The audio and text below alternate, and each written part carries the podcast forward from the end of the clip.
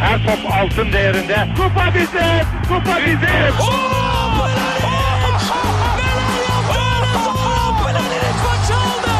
Dengeli de attı.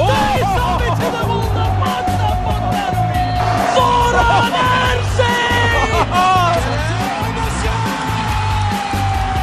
Dışarı çıkardı. Geldi, geldi, geldi.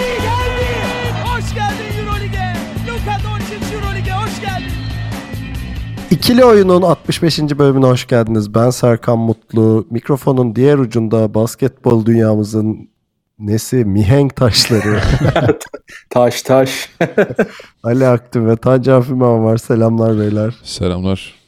Selamlar. Hazırlıksız yakalandım bu sefer anonsa da tam cümlenin ortasında uydurdum bir şey. Taşı ben sevdim. O kabulümüz.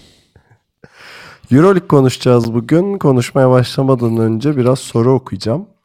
Ee, tabii ki de soru okumadan önce bize görüş, öneri, yorum ve soru iletebileceğiniz kanalları söyleyeceğim. Tabii ki de geçtiğimiz hafta verdiğimiz bir haberi tekrar edeyim. Artık bir Telegram grubumuz var. Ee, oradan da soru alıyoruz ve ciddi muhabbet dönüyor orada. Hoşumuza da gitti. Böyle yüzden fazla kişi olduk. Ee, mutlaka hepinizi bekliyoruz. Telegram uygulamasını telefonunuza ya da bilgisayarınıza indirdikten sonra ikili oyun diye ararsanız çıkarız ya da direkt browserınıza t.me slash ikili oyun yazın geliyor. Ee, onun dışında web site adresimiz ikilioyun.com, mail adresimiz selam ikilioyun.com, Twitter'da ve SoundCloud'da ikili oyun diye varız. Yayınlarımız Geek Yapar'ın YouTube kanalından ve Power FM'in Power App platformundan takip edilebiliyor deyip bir buçuk dakika sürmeye başlayan e, şeyi kapatayım. Oh. Ama gerçekten Telegram ekibine buradan selamlarımızı söyleyelim. E, çok da memnun olduk öyle bir grupla. Nasıl diyeyim? Muhatap olduğumuz için. ya. Valla beklentilerimizin çok üzerine çıktı ya. Grubun tavanı belli değil resmen. Grubun tavanı. Grubun tavanı ne? Peki sorularla başlayacağım. Birkaç soru var. Ee, Mr. Clutch'ın sorusu demiş ki sizce Luka Doncic NBA draftında kaçıncı sıradan seçilir? Herhalde ilk üç değil mi? İtirazınız yok buna. Ee, ilk üç garanti zaten. Hani bir gözüyle de bakılıyor ama ilk üçten girer red. Tancan 4 diyecek şimdi. İlk 3-5 o arada gider ya. Almayanı döverler. Bir de demiş ki Hanikat falan demişken hani son programda Adını anmıştık. anmıyorum. Varsayalım ki bu sezon Örtel veya Granger ikilisinden biri kalsa Efes'in kaç galibiyet fazla olurdu yoksa azalır mıydı aynı mı kalırdı? Yani Örtel olsa bilmiyorum. Granger kalabilirdi ya. zaten. Granger keşke kalsaydı ama bunu daha önce de söylemiştik ya. Aynen. Granger kalsa bir iki galibiyet gelirdi. Ya ondan fazlası da olmaz yani. O 1-2 olurdu en fazla. İşte Granger iyi bir uzun belki. İşte Ya kanat. bence daha ziyade oradaki sorun yani tekil adamlardan çok kadro mimarisiyle Aynen. alakalı sorunlar yaşadı Efes bu sene yani. Zaten konu oraya. Granger aldık. Şimdi forvet lazım. Şutör iyi bir uzun Aynen. lazım falan. Zaten isim yerine. Ya da işte Avrupa'da şu adam boşta bir görüşelim şeklinde oluyor Efes'in maalesef şeyi. Hani mesela Dragic en baştan hani Efes'in kadrosunda olsaydı belki de daha dengeli bir şey kurulabilirdi. Baran Karasu, Obradoviç Avrupa basketbolunda bu kadar saygın ve başarılıyken NBA'de koçluk yapmamasının sebebi ne sizce? Bunu çok konuştuk. Ee, Kyrie'nin tavanı ne eşittir Kyrie'nin olmadı. tavanı. diye- e, bir de Ali abiye selamlar demiş galiba o yüzden tuttum sorularda. Evet, Ali selamlar. şey fanlarım var baya ya. Ya evet bir şey böyle bir kitle oluşturuyorum galiba. Toplanıp çay mı içiyorsunuz? Ne yapıyorsunuz? Artık yakında bir AVM'de imza günü falan bir şeyler düşünüyorum. Ali Böyle ile bir film Ali ile. patlatırız sana. Ali ile hayal mi, basketbol mu? Evet. Ali'nin oyun oynadığı bir kanalı var YouTube'da takip edin. Yakında Twitch'te. İyice. ne oynuyor? Şu an ne var? Şey, ha, PUBG falan oynadı değil mi? PUBG herhalde. Yok, Ali'nin oynadığı bir psikopatça oynadığı bir oyun var ya. Tower Defense. Onu oynasa izlenir baya. Ne, ne oynuyorsun? O Tower Defense bu aralar çok oynuyorum ama Kingdom Rush mıydı? Ha, Onu oynuyorum. Kingdom Ha, evet. Nerede oynuyorsun lan? Ben niye bilmiyorum bunu? Steam mi? Steam'de. Ha. Ha, Steam açmayalı çok oluyor. Peki Ahmet Sökmen. Demiş ki öncelikle çok zevkle dinlediğimi belirmenizi isterim. Eyvallah. Hem NBA hem Euroleague programını disiplinli bir şekilde her hafta bir karşılık beklemeden yapıyor olmanız çok ilham verici. Eyvallah. Ee, bunu özel olarak okudum. Karşılık beklemeden demiş. Şöyle bir karşılık bekliyoruz. Ee, yok Donation yok box'a tıklarsan. TR 372. İBAN veriyor değil mi? ya beklediğim benim şöyle bir şey var. Mesela geçen Telegram grubunda bu, bunun muhabbeti dönüyordu. Hani şöyle bir şeye vesile olursak ne güzel olur. Mesela şimdi adını hatırlamıyorum arkadaşın da bandırmalı birisi var mesela. Diyor ki bandırmada beraber Banvit maçına gidecek birini arıyorum diyor. Yani biz böyle bir şeye vesile olursak ne güzel olur diye düşünüyorum. Hani beklediğim bir karşılık varsa ki bu bir karşılık değil ama e, öyle bir şey ne güzel olur. O yüzden Telegram grubumuza gelin tekrar söyleyeyim. Ya zaten birkaç kişi de şey demişti hani çevremizde böyle adam akıllı basket konuşacak insan bulamıyoruz falan tarzı sorunları olanlar direkt kopsun gelsin on numara muhabbet dönüyor. Aynen. Biraz NBA ağırlıklı ama Euroleague'de konuşuluyor diyeyim. Peki Ahmet'in iki sorusu var. Birinci sorusu Ah- Ahmet Düverioğlu'nu çok yetenekli buluyorum. Adaşı diye herhalde. Savunmada potayı çok iyi korurken hücumda çok ciddi katkılar veriyor. Oldukça çabuk ayaklara sahip ve atletik olduğunu düşünüyorum. Ahmet ile Veseli'yi karşılaştırdığımızda Ahmet'in kendini geliştirmesi gereken yönler nelerdir? Buyurun. Atletik mi? Ben pek atletik şeyine katılmadığımı söyleyecektim. evet, hız veya atletizm konusunda o kadar Veseli ile kıyaslanacak kadar değil. Şimdi bir grup arkadaşım ve bazıları bana küfür edecek ama mental diyeceğim ben. ya Ahmet'in kafayı geliştirmesi lazım ya. Yani bazen oyunda çok dalıp gidiyor. Çok ezber oynadığı anlar oluyor. Yani çok fazla direktifle oynuyor açıkçası. Yani biraz da oyunun gidişatına adapte olup işte oyunu kafasında da yönlendirecek şekilde oynamaya başlarsa zaten o pozisyonları da daha rahat bulmaya başlayacak. Pasları daha rahat bulmaya başlayacak. O zaman gelişim gösterecek. Ama atletizm olarak daha fazla ileri gidemez bu saatten sonra. Ama evet ayakları hızlanabilir. Biraz daha çabuk hareket edebilir. Bir de pick and roll oyununu biraz daha geliştirmesi lazım. Ya biraz şey de benziyor ya bu işte Semih Erden'in, Ömer Aşık'ın böyle ilk yılları gibi. Ee, Ahmet'in en büyük eksikliği şu an yırtıcılık yok. O Daha da- çok evet. istemesi lazım. Ee, savunmada çok fazla düşebiliyor, adam kaçırabiliyor, hatalar yapabiliyor ki yapacak yapa yapa öğrenecek. Ama bir ne kadar çabuk hani bu artık genç oyuncu kafasından çıkıp daha saldırgan, daha çok ısırıcı isteyen, bitirici bir adama dönüşürse ve biraz da hani orta mesafe şutlarını geliştirirse çok da hayrına olur. Ali Fatih Terim'e bağladı. Isırıcı, isteyen, bitiren, alan, veren. Kötü basar, çeker, tükürür. Ee, bir de şey faul çalışması lazım bence. Hani o, o pozisyondaki bir adamın e, faullerin yüzdesinin daha yüksek olması lazım. Yüzde yirmi falan galiba Ahmet'in faul yüzdesi. Ee, ama bu arada çok övdük hani sene içinde soru eksikleri nelerdir olduğu için bu kadar gömer gibi olduk onu da belirteyim. Peki ikinci soru bu bunu zaten konuşacağımıza dair sözümüz vardı. Ahmet Sökmen'in vesilesiyle konuşmuş olalım. Obradovic'in Melih'in yanağını okşamasını nasıl buluyorsunuz demiş. Ee, buradan Ömer Faruk Yurtseven'e elindeki tahtayla vuracakmış gibi yapması, Cici'ye Are you stupid diye bağırması ve Ergin Ataman'ın Göktürk Ural'a attığı tokattan örnek vermiş. Bu koçların oyuncularına bu şekilde davranmasını nasıl buluyorsunuz demiş. Obradovic'i ne kadar sevsem de ben hoşuna gitmediğini söylemiş. Her oyuncuya farklı davrandığını düşünüyorum. Örneğin bu hareketi Vanamaker'a yapabileceğini düşünmüyorum demiş. Bu zaten hani sonuncusu çok net. Ee, hani Obradovic'in böyle bir stili var. Hani birine bağırıyor. Ya bağırdığı insanları seçiyor her şeyden önce ama şu tokat olayını bir konuşalım. Buyur abi. Kimse Zor- konuşmak istemiyor. Ben zor- söyleyeyim abi direkt kendi Söyle düşüncemi. Ya hiç hoş değil bence. Ee, hani biraz şeye baktım Fenerbahçe taraftarının verdiği tepkiye. İşte tabii onların bir doğal olarak Obradovic'i çok sevmelerinden ve saygı duymalarından dolayı hani biraz müspet bir şeymiş gibi algıladıklarını gördüm ama yani Fenerbahçe gibi Euroleague şampiyonu hatta Türkiye'nin en büyük takımlarından birinin işte başında Avrupa'nın en iyi koçu açık ara na sahip bir takımın kaptanının e, kamera önünde dayak yemesi hoş bir şey olmaması gerek diye düşünüyorum. Hani yani şöyle o fotoğrafı vermemen lazım ne olursa olsun.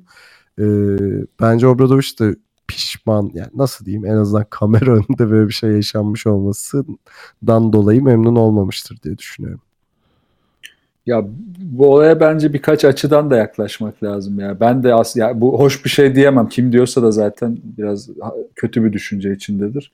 Ama farklı açılardan bakarsak mesela şunu sorarım ben de işte. Steve Kerr gelse önünüze ki bunu yaptı. Yani board'u kırdı.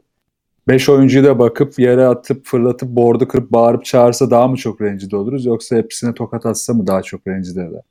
Yani bu biraz şey gibi yani o anda koçun oyunculardan ne alacağını ne yaparak bilmesiyle ilgili. Melih'le muhtemelen daha önce böyle bir şey yaşanmıştır ya da e, bunun ertesinde ya da öncesinde bir şeyler olmuştur ki böyle davranmıştır diye düşünüyorum. Çünkü o anda hiçbir koç sürpriz bir hareket yapmaz hiçbir oyuncusuna. Ya aynı, aynı Steve Kerr için de geçerli ki Popovic'in de oyuncuların ittiği e, görüntüler vardır yani. işte başka koçların da yaptığı daha sert hareketler. Bir diğer açıda Ali'nin dediği bir konu vardı işte peki daha bunu düşük profilli bir koç yapsa ne olacaktı? Zaten düşük bir profilli bir koç bunu yapamayacaktı. Ya yapamaz tabii ki de canım. Yani. Ama, hani ama şimdi şöyle Steve Kerr'ın board'u kırması okey ama burada fiziksel bir müdahale var hani oyuncu. Belki Popovic'in itmesiyle karşılaştırabilirsin de Steve Kerr'ın ki oyunun işte ateşi içinde yaptığın sinirli bir hareket sonuçta. O da işte ne bu... güzel kırmıştı ya. Tek yumrukta para Evet var. ya güçlüymüş oğlum. ya işte rencide kısmı bunlar. Bir açıda, üçüncü açıda şu yani yeni nesil ve onlara yaklaşın. Tabii. Yani mesela Brad Stevens ya da Luke Walton asla böyle bir şey görmeyeceğiz muhtemelen onlar. Ömrümüz boyunca da göremeyeceğiz. Biraz da tabii devrin içinde yetişen koçların bu devre adapte olurken atlatamadığı şeyler olarak olarak görüyorum ben biraz da. Hani oyuncuyla bunu çözebiliyorsa sıkıntı yok. Zaten çözemiyorsa ya oyuncu kovulur ya koç kovulur bir noktada.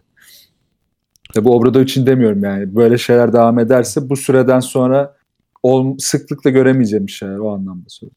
Ali senin yorumunla. Ee, Çok yani, iyi oldu.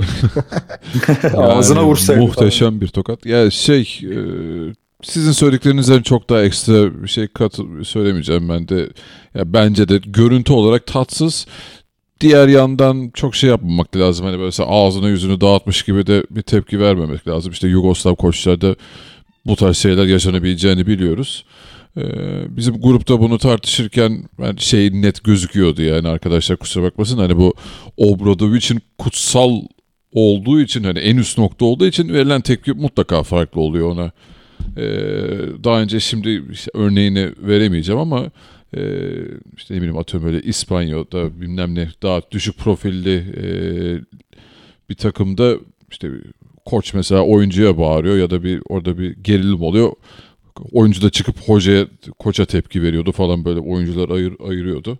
İşte düşük profilden e, kastım oydu yani o tarz şeyler yaşanabiliyor. E, Obradovic farkında bence hani verdiği cevaptan zaten e, onu görüyoruz.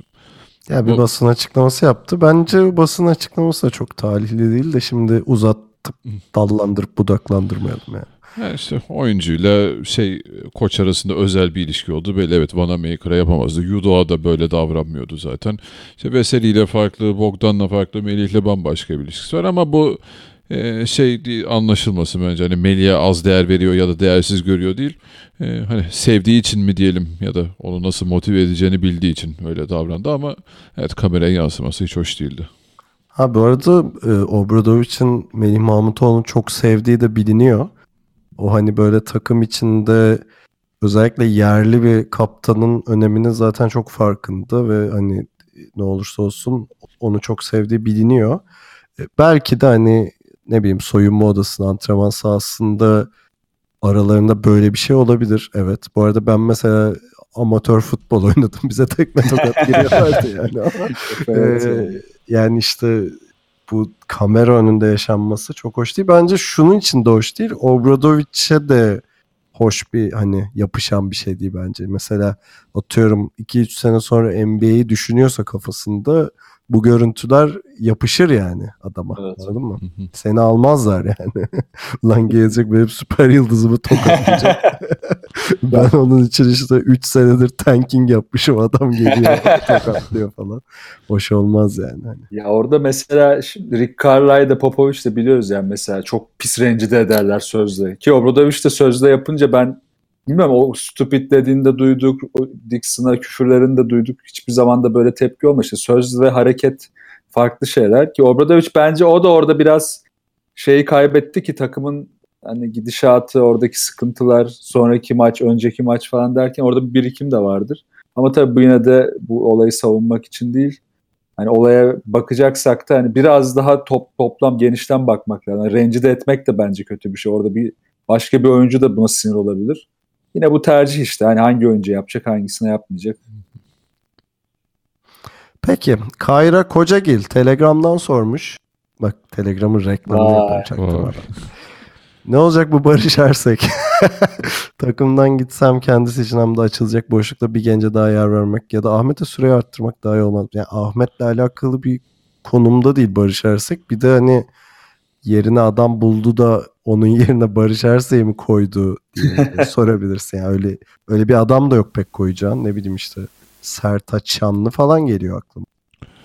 Ya bence soruyu duyunca şey düşündüm ben yani Barış'ı tutmasının çok daha farklı bir sebebi var bence. Soyunma odası, antrenman, çalışma disiplini e, yani sahada gör yani Çünkü evet, ayakta zıplama kenarda falan. Hani öyle çok göz önünde olmayan olumlu bir katkısı var Barış'ın bence. O yüzden tut yani arkadaşlık vesaire bir katkısı var. Yoksa başka bir açıklamam yok. Ya bir de Barış'ın mesela Barış gibi oyuncuları koçlar şu yüzden de sever ki Obradovic yine benzer bir şey demiş ya. İdmanlarda hep düşmeyen, hep yüksek kalan takımdan tek beklentisi basketbol olan bir adam. Muhtemelen o yüzden de tutuyor yani. Her istediğini yaptırabileceği, her istediğini alabileceği bir adam. Bilmiyorum yani zaten şey de belli, rolü de belli. O da onun için hazır, kafası da hazır bir adam. O yüzden kalır yani. Ya bunu da dert etmiyor yani en büyük Ya artısı da olabilir. Evet. Baran Yıldız gene Telegram'dan ya- yazmış. Ee, bir taze bir haber var onu göndermiş bize. Euroleague yönetimi Panathinaikos'un sahibi Giannakopoulos Gian okuyamadım. Giannokopoulos'a 12 ay boyunca Euroleague turnuvalarında salonlara girmeme cezası verdi. Bu haberi yollamış bize. Ee, bir önceki bölümde konuştuk bunu. Hani böyle bir emsal bir ceza bekliyorduk. 12 ay da çok ciddi yani.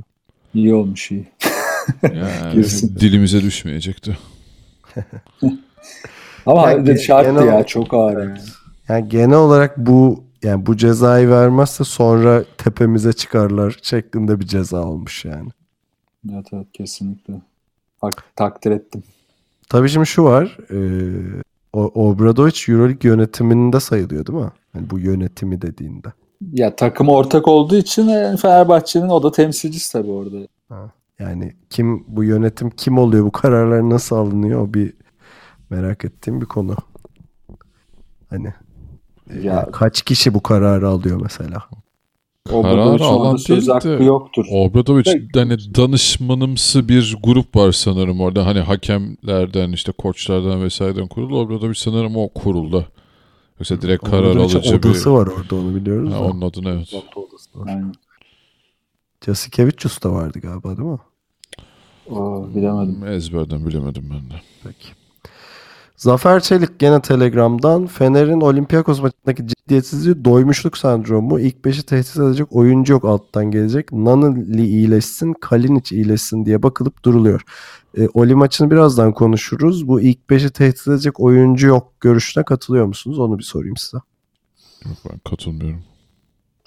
Ya ilk beşle ilgili değil sıkıntı ya. Ya maç maç maç maç şeyinde konuşuruz. Peki maç özelinde konuşuruz diyeyim. Sorular bayağı 20 dakika sürdü. Sağ olsun herkes soruları için. E, kısa bir ara verip Efes maçıyla başlayalım.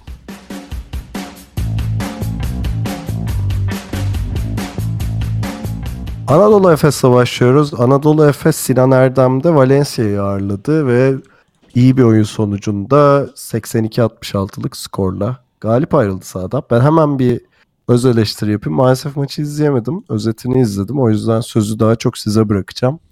Ama mesela Tancan'la başlayalım. Ben özeti izlemiş biri olarak bana maçı anlatır mısın Tancan? Nasıl geçti? McCollum bayağı atmış mesela. Bakıyorum şimdi. İlk 3 dakika karşılıklı basketlerle geçiyor. ya Efes iyi oynadı ya bu maç. İlginçtir haftalardır. Mutsuzluğumuzdan sonra. Yani biraz daha böyle rakibi hareketli ve top kaybına zorlayacak bir 5 seçmiş Ergin Ataman. Yine klasik kötü bir maçın ardından biraz böyle haşlanmış bir takım görüntüsü vardı Anadolu Efes'te bence. Ee, bu hareketli 5'te top kaybına zorlayıp biraz da Plyce'ı da tanıdığı için Plyce'ın ağırlığını ağırlığının dezavantajını kullanmak üzere pick and roll ağırlıklı bir oyunla başladı bu 5'te de. Ama en önemli şey bence bu maçta şu oldu. Efes unuttuğu şeyleri yaptı. Yani rebound üstünlüğünü aldı. O çok kritikti. Yani Plyce'ı çok... 42-29 görüyorum rebound. Evet, mesela. evet baya baya önemliydi bu ki maç boyunca da sonlara doğru arttırarak aldı bunu. Ve üstüne de herhalde bayağıdır yapmadı. Yani 20 asist sayısına ulaştı ki bu da Efes'in hareketsiz kalan hücumunu en büyük eksikliklerinden biri. Ki savunmasının iyi olmasından kaynaklı bunlar da. Zaten şöyle işliyor sistem. Yani zincir savunma iyi oldukça güven artıyor. Güven arttıkça e, hücumlar iyi olmaya başlıyor. Hücumlar iyi oldukça savunma biraz daha artıyor.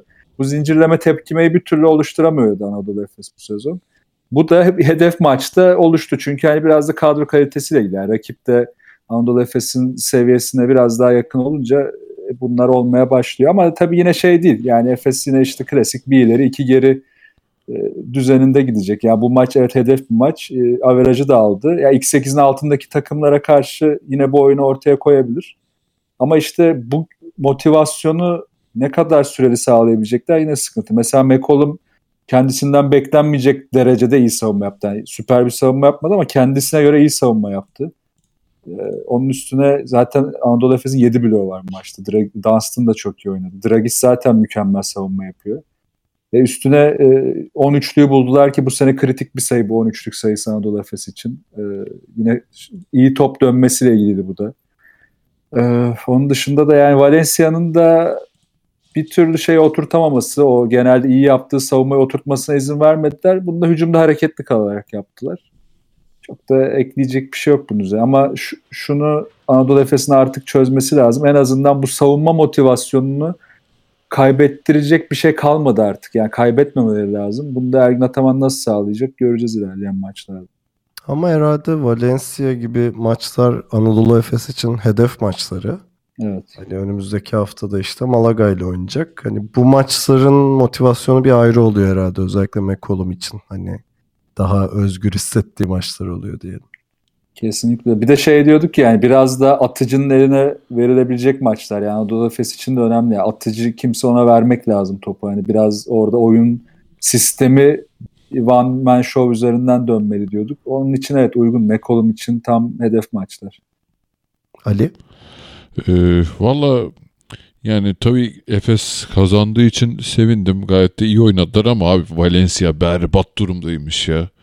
Yani Evet, ben çok uzun süredir takip etmiyordum ama yani adamların rotasyonu şu an 9 kişi. Yani sakatlıklarda. 10 kişi çıkmış sahaya. Eric Green zaten yoktu yakın zamana kadar. Bayağı 7-8 kişi takılıyorlarmış. Yani. Yani dinleyenler kusura bakmasın çok detaylı bir araştırmasını yapamadım onun hani e, şu an sakatlık durumu nedir vesaire niye bu kadar az kişi kaldılar ama e, yani işte ilk çeyrekte yine biraz kafa kafaya durum vardı da bu second unitler yani ikinci çeyrekte second unitler girince feci koptu maç yani. Ki ben Efes'in orada düşeceğini düşünüyordum. E, özellikle o işte şey Doğuş Balbaylı 5'e geçtiğinde e, hücumda bir düşüş oluyor Efes'te. Ama yani hiç şey o kimdi ya bunların e, işte yedek center'ı Hilanson mu ne- asıl adı nasıl okunuyor onu da unuttum. Nason. Ya Böyle yuvarlayacaksın abi bildiğin. Nason. Hilanson e. Doktorun reçete yazması gibi. Adını. Abi, herif feci tecrübesiz. Yani City maça karşı ayakta kalamadı neredeyse yani. Sıfır performans. Evet Ee, ya Steam maç bayağı ağır uzun bulunca böyle iş yaptı Ha, ya. yani Hiç acımadı yani. Allah bunlar bana göre deyip yapıştırdı. yani tecrübe farkı feci e, belli etti kendini. Yani hem tecrübe farkı hem kadro kalitesi farkı falan da yani şey çok bariz göze çarptı maç boyunca. Bir işte Plyce'la e, Plyce çok fazla backdoor şansı yakaladı. Oraları iyi savunamadı Efes açıkçası. E, işte bir de Eric Green'in oynadığı kadar vardı yani Dorne kamplar falan öyle çok şey e, maça giremedi yani.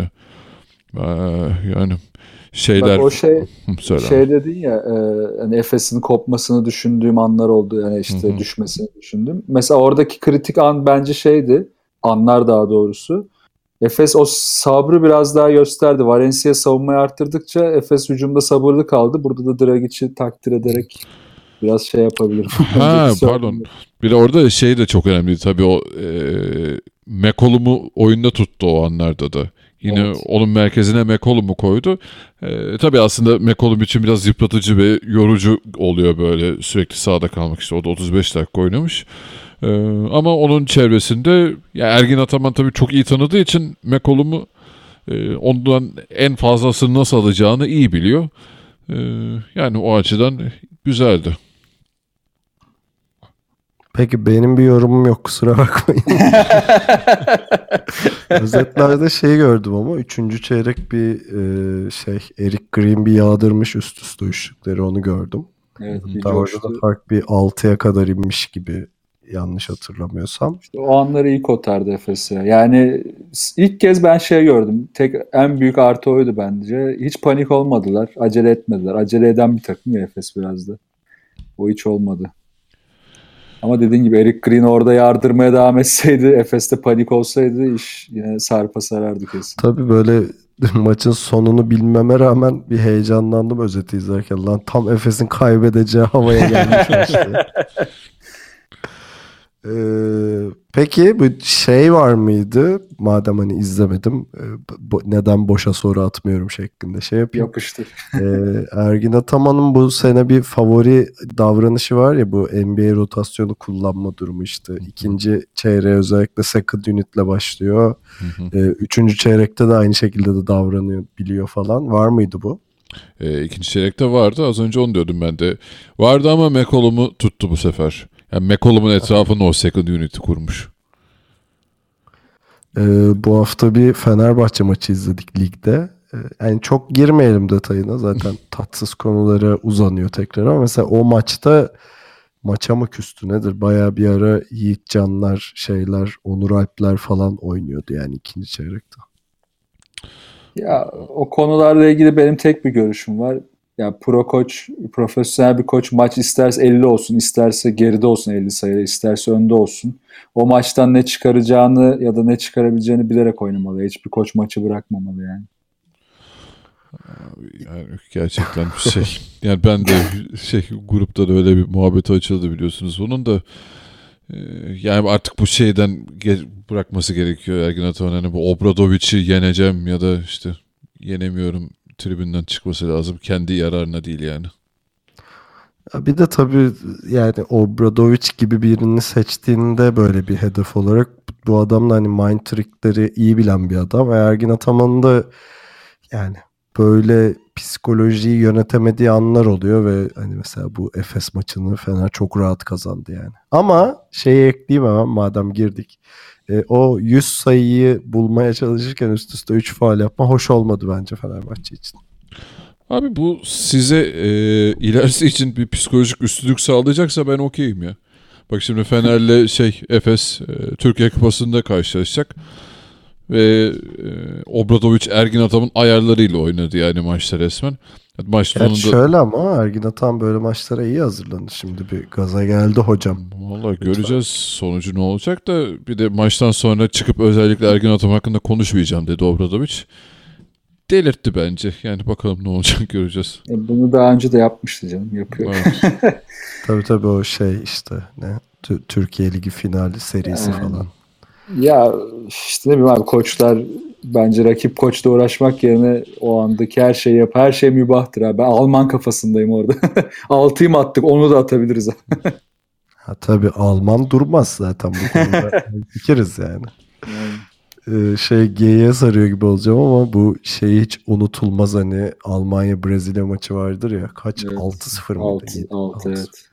Orada şeyi hatırlıyorum yani çok erken 3-0 olmuştu böyle arkadaşlarla izlerken birbirimize bakıp yalnız Alman durmaz demiştik hani başka takım durur da hani 3'te 4'te Alman durmaz demiştik harbi Evet, durmaz. o yer bağırıyordu falan.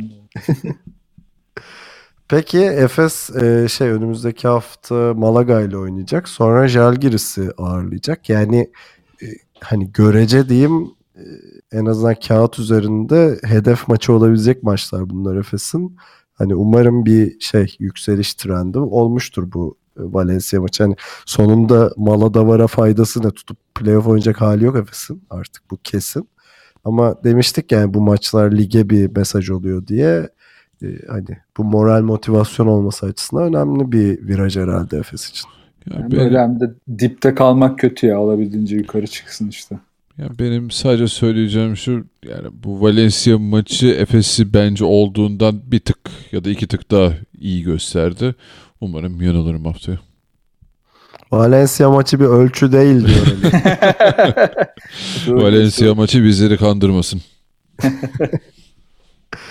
Peki ara vermeden Fenerbahçe'ye geçelim o zaman. Ee, Fenerbahçe yani yanlış hatırlamıyorsam bu senenin en ağır mağlubiyetini aldı Olympiakos karşısında.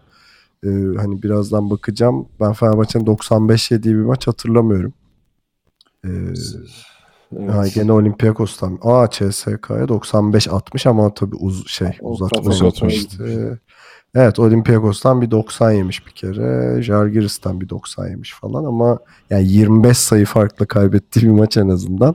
Ya da şöyle diyeyim bu kadar savaşmadan maçı bıraktığı bir maç bu sene olmamıştı herhalde. Bayağı rencide edici bir mağlubiyet oldu. Ee, Ali senle başlayalım. Nasıl gördün bu maçı? Yani hani şey maçı vardı ya bu sene CSK Efes maçı. Yani ne diyeceğiz ki noktasına gelmişti. Ve bu maçta da gerçekten Fenerbahçe öyle uzun uzadıya tartışacak bir şey yok. Çünkü Fenerbahçe maça gelmemiş. Ee, bu hani geçen sene de şey maç olmuştu ya Baskonya maçı. Bir maç daha olmuştu öyle hangi takıma karşı hatırlamıyorum üst üste Geçen olmuştu. çünkü. büyük tokat Baskonya'ydı canım. Hı hı. Hani o şey yılbaşına kadar zaten Kasım ayında falan çok zorlanıyordu Fener Bir ama ağır tokat Baskonya'ydı yani. İlk e, Maccabi deplasmanıydı sanırım. Onda da çok Tabii berbat tabii orada da tokat vardı. Hı hı. Yani şöyle bak baktım Baskonya 86-52, Maccabi 87-77 öyle geçilmiş ama hani üst üste olmuşlar. Bir de Unix kazana İstanbul'da yenilmişti ondan önce. Ama o hem Baskonya ile Maccabi maçları felaket dönemlerdi Fenerbahçe için. Evet. Yani şey olarak görüyorum ben yani her takımın e, böyle bir maçı olabilir. Yani tamam birkaç oyuncudan performans alamazsınız falan ama Fenerbahçe'de tek oynayan e, Dixon oldu bu maçta.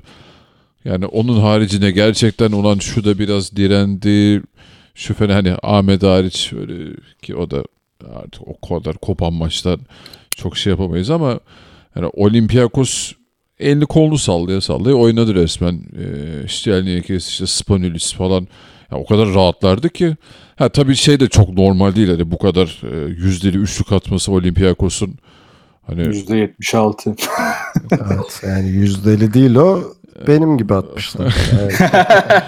Evet, hiç normal. Yüzde denemez. Ya. Hani en kötü dönemindeki Fenerbahçe ile en iyi hücum Olympiakos'unu karşılaştıracağız deseler yine bu, bile bu kadarı tahmin edilemezdi bence. Hani 25 sayı fark ve %75-76 ile üçlük atan bir Olympiakos. Yani garip garip bir maçtı ya ben öyle çok şey değerlendiremeyeceğim açıkçası şu an hani ah Vanamaker işte şunu yaptı Sulukas bunu yaptı diye yani hiç takım yoktu ortalıkta gerçekten. Tancan çevirmeden şunu diyeceğim hani ben Olympiakos elini kolunu sallaya sallaya kazandı diyemem. Bence Olympiakos yani bayağı sürklase etti Fenerbahçe'yi. Ya zaten o ön alan savunması bence Avrupa'nın en iyi yapan takımı Olympiakos. Ee, ama yani Fenerbahçe'nin hücumlarını tıkamak konusunda yani çok çok iyilerdi. Zaten şey İstanbul'daki maçta da aynı şekilde. Hani Sferopoulos bu maçları ayrı bir şeyle çalışıyor o kesin. Hani bu maçı da hani kendi taraftarının önünde geçen sene rövanşı olarak görmüş. Kesinlikle Fenerbahçe'den çok daha fazla istiyordu. Hani bir de hani tırnak içinde söyleyeyim rezil ederek kazandı. Hani rezil etmeyi tırnak içinde söylediğimi belirteyim. Fenerbahçe taraftarını karşıma almak istemiyorum. Ee, ama sonuçta Fener'in hani cilasını biraz çizmiş oldu yani. Rezil etmeyi böyle açıklayayım. Ee, ve böyle çok da uzatmadan Tancan'a geçireyim. Oradan devam ederiz. Ya bu maç Fenerbahçe için yani nasıl Fenerbahçe CSK'ya karşı bir psikolojik üstünlük kazandıysa Olympiakos'un da Fenerbahçe'ye karşı bir üstünlük kazandığı seri yarattı. Ama tabii burada Fenerbahçe'nin kötülüğünden çok önce Sfaraplos'a da inmek lazım. Yani Sfaraplos Barcelona maçında da konuştuğumuz o Fenerbahçe'nin yaptığı hataları o kadar iyi tespit etmiş ki. Yani mesela bu hafta Fenerbahçe Olympiakos'a karşı değil de Himki'ye karşı oynasa belki yine zorlanıp kazanabilirdi yine bu oyunla.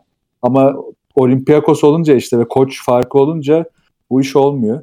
Çünkü Sfarapoulos e, hem Obradovic'i çok iyi biliyor hem Fenerbahçe'nin eksiklerini çok iyi biliyor. Mesela burada ilk örneği de Printezis ve Vesel eşleşmesinden verebilirim. Yani Fenerbahçe'nin çift uzunla başlamak zorunda bırakılması yani Militonov'la başladığında zaten iki uzunla başlamak zorunda kalıyor. Melli'yi de yedekten getireceğini biliyordu ki zaten Melli'yi de bu arada yani hemen oraya da bir sıçrayayım. Melli'yi oyuna hiç sokmayarak zaten Fenerbahçe'nin o saha içi liderliğini e, yani hem maç liderliğini hem Fenerbahçe'nin kendi takım içi liderliğini engellemiş oldu. Melli sıfır sayıyla oynadı. Yani pozisyonu da yok Melli'nin. Yani bir Aynen. üçlük denemesi var. O da başarısız o kadar. Hiç hiç giremedi oyuna ya. Yani ne pas açısı verdi ne işte sağ görüşü verdi. Hiçbir şekilde oyuna sokmadılar. Üstüne de Fenerbahçe'nin iyi yaptığı şey olan yani savunmayı bozmak için işte mesela burada Obradovic'i eleştirebiliriz. Çünkü Printez Vesel eşleşmesini 5 dakika boyunca maden gibi işlediler. Oradan 8 sayı çıkardılar. Mesela bundan sonra Printez'in ilk sayısı 3. çeyrekte 7 dakika kala falan geldi. Printez 2 üçlükle başladı. Bir de teke tekte sırtı dönük bitirdi Ves'e karşı. Evet 8 Aynen. sayı hemen başında attı yani. Hemen ya oradaki o zayıflığı hemen kullandı yani ayaklarının ağır olmasını. Ki Fenerbahçe'nin zaten aslında bu eksikliği Vesel üzerinden de değerlendirmemek lazım. Bu yardım savunması bir de top tarafından gelme huyunu hala kurtulamayan bir Vanamaker var. Vesel de bu hatayı hala yapıyor. Thompson zaten çok yapıyor. Ve bunları da e, iyi çalışmış Sfarapulos. O tarafları hep kaşıyınca top tarafını özellikle e, çok fazla sayı buldu Olympiakos e, başlarda. Yani Fenerbahçe'nin savunmasını işte bozmak istiyorsanız yani Fenerbahçe'yi yenmek istiyorsanız savunmanızı bo- savunmasını bozmanız lazım.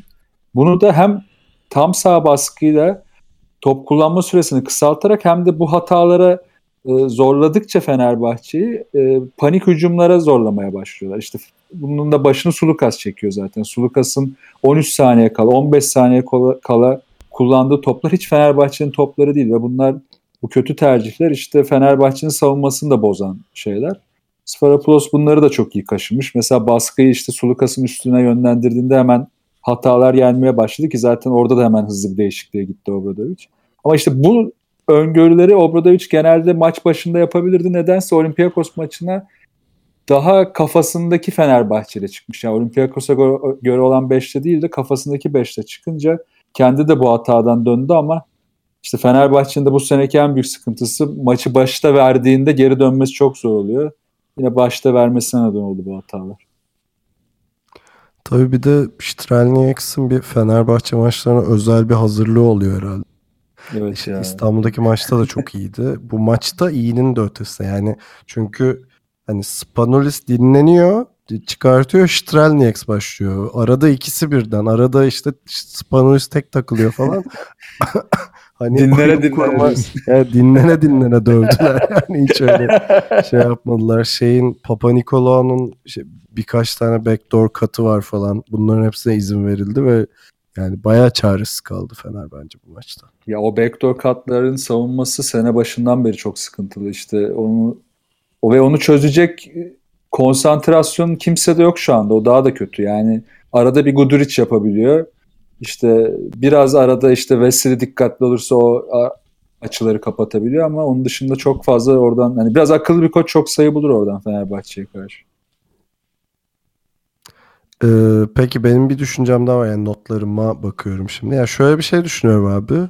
Olympiakos gibi bir takımı Ee, nasıl anlatabilirim? Yani yenmek için gerçekten takımının formundan bağımsız şu kendi sayısını üretecek bir adama ihtiyacın oluyor diye düşünüyorum. Yüzde yüz katılıyorum. adama. Hatta notada yazmışım. Yine bireysel yaratıcılığın gerektiği bir maç olmuş diye. Yani hani zaten şey yarattı. Dixon bütün sayılarını Dixon kendi yarattı. da işte mesela şunu arıyor Fener bence. Hani Dixon gerçekten de hani özel 6 tane üçlü var Dixon'ın bu maçta ama işte şöyle bir sorun yaşıyorsun abi. Thompson ve Veseli diyelim oyunda 4 ve 5 oynuyorlar. O durumda Datome 3 numarayken ve Datome kendi pozisyonu yaratmayı çok seven bir oyuncu da değil hani. Baktığımızda şey istatistiği vardı onun. Evet, Attığı asist üç- üzerinden buluyor sayıları. Yani attığı üçlüklerin %99,9'u falan. E, 33'te 32'ydi en son hani iki hafta önce baktığımda asist üzerinden hani topla kendi oynayıp pozisyon yaratma yani o imza şutu hariç o da orta mesafe şey fade away şutu. Onun dışında çok seven bir adam değil Datome. E, Olympiakos gibi takımlara karşı da hani özellikle savunmayı sertleştiren, ön alan baskısını çok iyi yapan takımlara karşı e, Datome etkisiz kalıyor maalesef. Hani şu formuyla diyeyim en azından. Fener bence o bireysel katkı gerçekten aradı. Hani şeyin yanına Dixon'ın yanında katkı verecek birinin eksikliğini ki hani Vanamaker'ın da Sulukas'ın da çok normal performanslarından geride bir maç oynamalarının sonucu olabilir hani bu bu skorda bir yandan da diye düşünüyorum. Ya işte Dixon'ın orada yaptığı tek şey aslında skor üretmek. Yani biraz da takımın da üretimine bir katkısı olmadı orada. Yani işte onu Bogdan yapıyordu. İşte hem üretiyordu hem yaratıyordu. Yani o da nasıl yaratacaksın? Savunmayı delmen lazım. E bunu delebilecek elinde şu an bir Vanamaker var. Sulukas bunları yapmaya başlayınca biraz kontrolden çıkıyor bu sene. E Vanamaker da deldikten sonra ilk işe hep çembere gitmek oldu. Hani bunda evet Olympiakos'un ona pas açısı bırakmaması da var ama hani doğru açıları kullanamadı. Doğru yerlerden e, drive edemedi. Edemeyince de çembere gidip gidip top kaybetti. Blok yedi falan filan. Hani o yüzden hani yaratıcılığı arttıracak birilerinin olması lazım bu tip maçlarda. Bir de galiba bu biraz da Sulukas'a da e, mesaj maçıydı Obradoviç'ten. Çünkü hiçbir daha almadı ki. E, pek Sulukas'ın bu kadar çok oturduğunu da görmeyiz. Bir maçın başında oynayıp sadece Evet 7 ya. dakikalar kenara gelip bir daha hiç girmemesi e, net mesajdır yani. Ya bir de Sulukas'ın e, her Olympiakos maçında böyle bir şeyi var. Bir de deplasmanda iyice siliniyor. Bence orada bilerek çok zorlamadı. Hani bir, bir, bir halt çıkmayacağını anladı yani. Ya hem öyle hem de yani hiç bak Sulukas bugün gelmedi ya. Hiç Fenerbahçe'nin oyunu olmayan ne kadar şey varsa yaptı yani. O yüzden de sinirleniyor muhtemelen. Hiç erken top kullanması da bunun en öncelikli nedeni. Ya Fenerbahçe'ye hiç uymayan bir şey erken top kullanmak. Ya mesela şöyle hani ön alanı kapattığında Fener üst üste pozisyonlarda şu şeye Thompson'ın orta mesafelerine çok kaldı bir ara. Evet. Ama mesela Sulukas'ın orta mesafelerine kalmaması lazım abi Fener. Yani Sulukas çünkü oyunu açma görevi olan adam. Hani onun o hücumu 8. saniyesinde sallayıp girmeyen şutları oluyor ya maçlarda. Aynen kesinlikle öyle. Ona kalmaması lazım Fenerbahçe. En azından Sulukas'ın elinden diye düşünüyorum. Thompson denesin atarsa ne ala ama Sulukas'ın oyunu açması lazım. Abi Çünkü hem Thompson zaten atarsa savunmayı da çekiyor. Sulukas'ın savunması zaten orada. Abi işte hem ana atıcı olayım hem de işte ana top yönlendirici olayım dediği anda Sulukas zaten aşırı saçmalamaya başlayabiliyor öyle. Yani büyük tehlike oluyor Fenerbahçe için o Sulukas'ın o ruh hali. Peki bir de şu Strelniaks'ın step back üçlüğünü övebilir miyiz ya? Hatırlıyor musunuz? Evet. evet ya yani çok iyiydi abi adam hiçbir şey yani diyecek hiçbir şey yok. çok iyi soktu. Yani resmen Harden çıktı oradan içinden yani o çok bayılıyorum ya o step back üçlüklere. Evet evet. Yani çok, çok hoş duruyor bir de yani. Şey de çok önemli ya orada. Savunmayı böyle bir an böyle uyuduğu anı yakalaman lazım. Yani her an yapamazsın onu. O uyuduğu anı yakalayıp yaptığında böyle savunmada böyle bir afallıyor falan çok hoşuma gidiyor. Bir de ona mesela Harden özel olarak çalışıyor. Bütün yaz ona çalışıyor adam. Çünkü hani bir anlık dikkatsizlik steps'le bitirir onu. Tabii. Ee, bu eski NBA hakemleri çok şey yapıyor. Bu neydi o herifin kanalını unuttum. Orada bir videosunu da izledim bunun. Evet, ben de izledim o videoyu. Analiz ettiğinde gerçekten steps değil. Ama hani tam o hareketi yapmadan bir shuffle yapıyorsun ya ayakla. Evet. Onu böyle bir salise geciktirsen steps olacak ama öyle bir çok uçta bir şey yani. Tabii ki de Harden bunu gezegende en iyi yapan adam. Aynen ya topu tuttuğu anda o boş adımı kullanıyor. Yır- Evet. Yani tuttuğu andan sonra hareket etse zaten steps. O çok iyi dengeliyor onu. Bir de orada şey garip duruyor yani biz hep göz şeye alışık ya o adımı ileri doğru atmaya. Evet. O adımı yana ya da arkaya attığında savunmayı mahvediyorsun yani o yüzden çok güzel görünüyor şutlar yani. Kesinlikle yetişemiyor. Neyse NBA bölümü olmadığı için daha fazla Harden öğrenemeyeceğiz. Kadar. Trelnix'te devam edin. Var mı ekleyeceğiniz maça dair? Valla benim sadece iki notum var. Ee, bir hani Olympiakos son haftalarda çok kötüydü. Ben o yüzden geçen hafta konuşurken hani Fener net favori diyordum da Fenerbahçe dağıldı hani Olympiakos'u. Öyle mi dedin lan? He. O yüzden diyorum Bahislerine yatırdın onu. yok abi ben uyarımı yaparım bana bana şey yapıp kulak asıp kupon falan yapmayın. Kuponlarını Ali'ye güvenerek yapanlar gene Ee, ya ben Fenerbahçe'nin hani e, dönem yani şey kötü bir döneme girdiğini zannetmiyorum ki üzerine işte Efes maçını oynadı o tepkiyi hemen verdi. Ee, bundan sonra da Euroleague'de daha topal olacaktır. İkinci notumda şey Kalinic hiç hazır değil daha ya. Valla hani kaçıncı haftadayız? Ee, 21 mi yani işte bir 9 hafta daha kaldı. Yani umarım playoff'lara daha sağlam girer çünkü daha hani bu, bu sezon hiçbir şey oynayamadı Kalinic doğru düzgün şey çok. Muhtemelen onu ligde bayağı oynatıp biraz maç kondisyonu kazandırmaya çalışacaktır. Yani.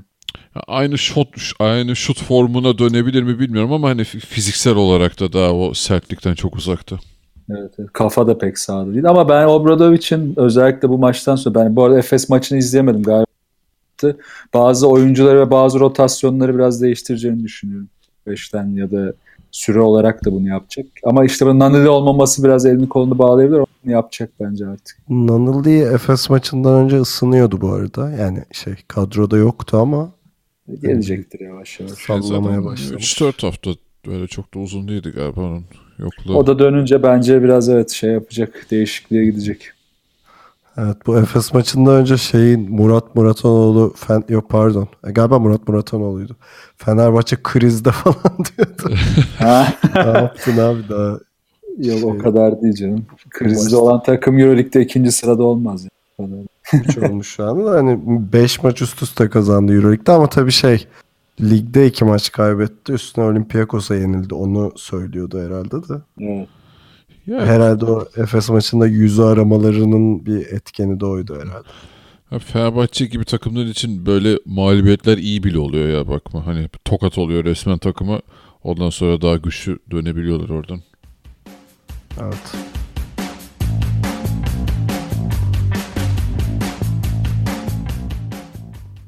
İkili oyunu dinlediğiniz için çok teşekkür ederiz. Muhtemelen salı gecesi ya da çarşamba günü tam bilemiyorum. NBA yayınımız oldu. Hemen bize görüş, öneri, yorum ve soru iletebileceğiniz kanallarımızı hatırlatayım. Tabii ki de ilk sıraya çok kayırdığımız Telegram grubumuzu koyuyorum. Süper muhabbet dönüyor mutlaka gelin. t.me slash ikili oyun ya da işte bölü ikili oyun. Ee, muhabbete bekliyoruz. Birkaç şey yüzü geçtik yani. Ee, güzel oluyor. Onun dışında web sitemiz ikilioyun.com mail adresimiz selam.ikilioyun.com Twitter'da ve SoundCloud'da ikili oyun diye varız. Yayınlarımız Geek Yapar'ın YouTube kanalından ve Power FM'in Power App platformundan takip edilebiliyor. NBA programında ve daha sonra Euroleague'de önümüzdeki hafta görüşmek üzere. Kendinize iyi bakın ve hoşçakalın. Hoşçakalın. Hoşçakalın.